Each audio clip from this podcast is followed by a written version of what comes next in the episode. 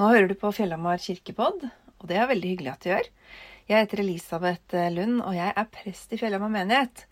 Og i dag har eh, vi hatt gudstjeneste i Fjellhamar kirke, eh, og jeg skal dele med deg det som var søndagens preken.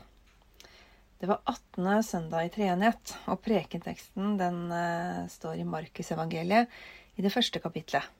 Jeg begynner med å lese teksten. En mann som var spedalsk, kom til ham, falt på kne og ba om hjelp. Om du vil, kan du gjøre meg ren. Jesus fikk inderlig medfølelse med ham, rakte ut hånden og rørte ved ham. Jeg vil, sa han, bli ren. Med det samme var spedalskheten borte, og mannen ble ren. Jesus talte strengt til ham og sendte ham straks bort. Se til at du ikke sier et ord om dette til noen, sa han men gå og vis deg for presten og bær fram de offer for renselsen din som Moses har påbudt. Det skal være et vitnesbyrd for dem. Men mannen gikk av sted og ga seg til å fortelle om det som hadde hendt, og gjøre nyheten kjent vidt og bredt. Derfor kunne Jesus ikke lenger vise seg i noen by. Han holdt til utenfor byene, på øde steder. Men folk kom til ham fra alle kanter. Slik lyder Herrens ord. Jesus møtte en mann som var spedalsk. Og spedalskhet, eller lepra, det er en sykdom som angriper huden og nerver. Noen får store kuler og sår, og man kan også miste kroppsdeler. Det er en grusom sykdom når man ikke får behandling. Og rundt år 30, da Jesus møtte denne mannen, var det ikke mye håp for en som var spedalsk. De måtte regne med å dø av det. Og det er en smittsom sykdom. De hadde jo ikke munnbind heller, sånn som vi er, vant, er blitt vant til i koronatida. Den eneste muligheten for smittevern var at de som var spedalske, måtte holde seg langt unna alle andre. De var isolert, utafor byen, utafor samfunnet, utafor fellesskap med andre. Ikke midlertidig, sånn som noen av oss var i koronatiden, men for alltid. Om de så noen som var i nærheten, så måtte de rope uren, uren, så folk skulle bli advart mot å komme for nær dem. Og I tillegg så var det mye skam knytta til å være spedalsk. Man trodde f.eks. at man ble syk fordi man hadde syndet ekstra mye. De trodde at det var deres egen feil at de var syke.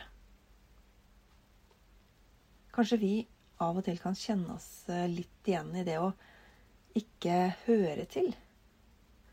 Eller å tro at noe er feil med oss.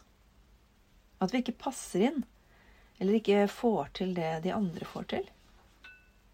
Det har vært mange opp gjennom århundrene som har skamma seg over å være syke, med spedalskhet eller eh, med andre sykdommer. I morgen er det verdensdagen for psykisk helse, altså 10. oktober. Jeg tror kanskje at i vår tid så er det psykisk sykdom som er aller vanskeligst å fortelle om at vi lever med. Selv om det har blitt bedre enn det var før. Det er egentlig veldig rart at det å være innlagt på psykiatrisk sykehus og få behandling der, skal være så annerledes å fortelle om enn at man må inn og ta en operasjon eller å få kreftbehandling. Vi har alle både en psykisk og en fysisk helse. Og vi kan ha utfordringer på begge områder. Vondt i ryggen eller vondt i sjela. Og vi kan bli syke både fysisk og psykisk. Det er en del av livet. Her om dagen så var jeg på Mai-senteret, som ligger på Skårer gård nå. Eh, det er et tilbud fra Lørenskog kommune for innbyggere som har eller har hatt psykiske helseplager. Og Der snakka jeg med Heidi Li, som jobber der, om hva de driver med. Og vi snakka litt, hvordan, altså litt om hvordan Jesus møtte den spedalske mannen i bibelteksten vår. Jeg spurte henne hva hun tenker om dette med at det for mange fortsatt er så vanskelig å snakke om psykisk sykdom. Hun sa at kjendiser kan jo snakke om det, men det er ikke så lett for vanlige folk alltid. Alt skal liksom være så perfekt nå om dagen, og det kan gjøre det vanskeligere å snakke om sånt som ikke er perfekt. Og mange føler at de fleste egentlig ikke vil høre om hvordan de har det. De vil bare høre at det går bra med meg. Det er mange med psykiske helseplager vil, som de fleste andre, helst passe inn og ikke skille seg ut. Så de går mye med maske på. Vil ikke bry andre, som kanskje også virker som de har nok med seg sjøl. Den spedalske mannen, han skulle holde seg langt unna andre. Men han brøt reglene. Han kom til Jesus. Jeg tror at vi alle har det vanskelig av og til, både om vi har psykisk sykdom eller ikke. Kanskje vi kan være litt med på å gjøre flere sider av livet normalt ved å nærme oss hverandre. Tørre å bryte noen uskrevne regler. Og lette litt på lokket. Heidi på Mai-senteret sa at vi trenger jo ikke å blottlegge det innerste for hverandre. Men åpne litt, så andre kan se mer av hvordan jeg har det. Så kanskje andre kan kjenne seg igjen også. Vi kan begynne med å fortelle, med å bare fortelle at vi har det vanskelig, uten å nødvendigvis si alt om hva det handler om.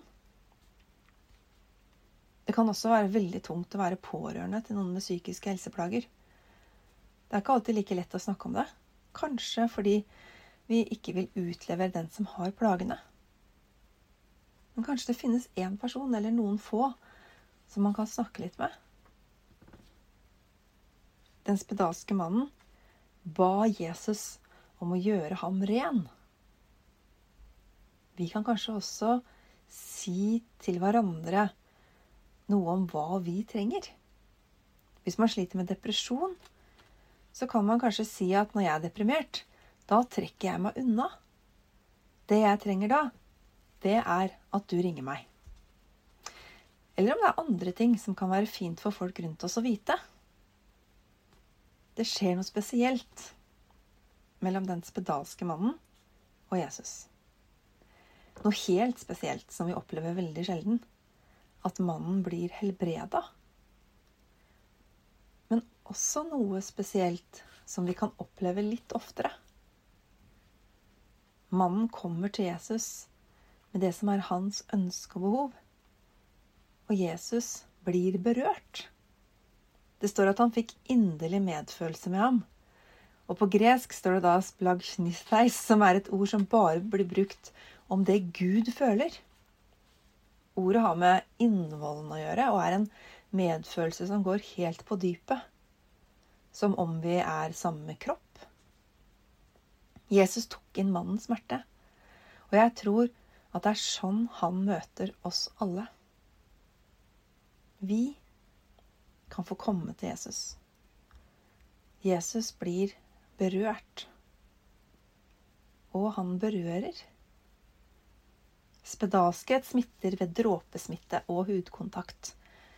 Jesus tar på mannen. Han berører hud mot hud. Nærkontakt.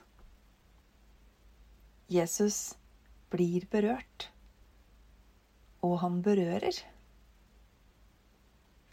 Vi som menighet, som kirke her på Lørenskog og i hele verden, er Jesu kropp på jorda nå. Hvordan kan vi la oss berøre av andre menneskers liv og smerte? Og hvordan kan vi tørre eller klare å være så nær at vi berører andre? Vi kan ikke ta inn hele verdens smerte. Men vi må ikke la det gjøre at vi sperrer alt ute.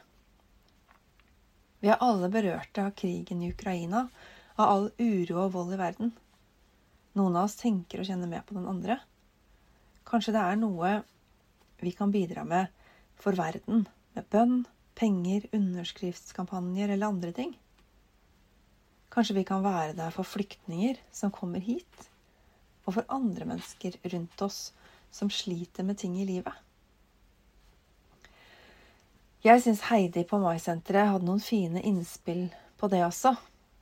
Det med å være der for mennesker som sliter med ting i livet. Hun snakka om at noe av det viktigste vi kan gjøre i fellesskapet, er å tåle andre. Vi skal ikke overta smerten deres. Gud kan ta imot all smerte, men ikke vi. Men vi kan f.eks. tørre å spørre litt mer direkte om hvordan det går med folk. Vise at vi tåler å høre sannheten. Ikke alltid si oss fornøyd med at det går bra. Og så skal vi ikke rydde opp for den andre. Vi kan bry oss om uten å bry oss med, sa Heidi. Vi skal ikke komme med masse tips og løsninger uten å bli bedt om det. Vi kan ikke og skal ikke fikse alt, men orke å stå i det vonde sammen litt. Tåle at folk er som de er, og har det som de har det. Kanskje bidra med noe, og samtidig sette noen gode grenser for oss selv. Jeg håper at vi kan få være en kirke som har tid til mennesker, og til det som er sant om livet. At vi klarer å stoppe litt, og ikke alltid måtte skynde oss videre. Bli berørt og berøre. Ære være Faderen og Sønnen og Den hellige ånd, som var og er og blir en sann Gud fra evighet til evighet.